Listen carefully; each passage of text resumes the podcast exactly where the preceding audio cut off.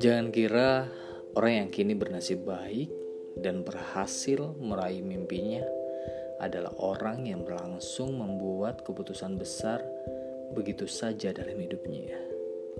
Ketahuilah, banyak dari mereka yang justru berangkat dari keputusan-keputusan kecil yang mereka buat setiap hari.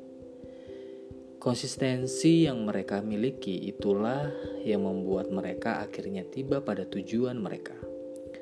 Jika kamu ingin mengubah nasibmu, maka buatlah keputusan terbaik setiap harinya. Sebagai contoh, kamu bisa mengawali pagi hari dengan menulis dua halaman dan membaca buku sebelum tidur. Ini adalah hal kecil yang jika kamu lakukan setiap hari, akan mengasah kemampuanmu menulis dan dengan membaca tentu saja akan menambah pengetahuanmu. Jadi, jangan pernah meremehkan setiap keputusan kecil yang kamu buat atau orang lain lakukan setiap harinya. Suatu saat itu akan menjadi raksasa yang mengubah nasib seseorang. thank you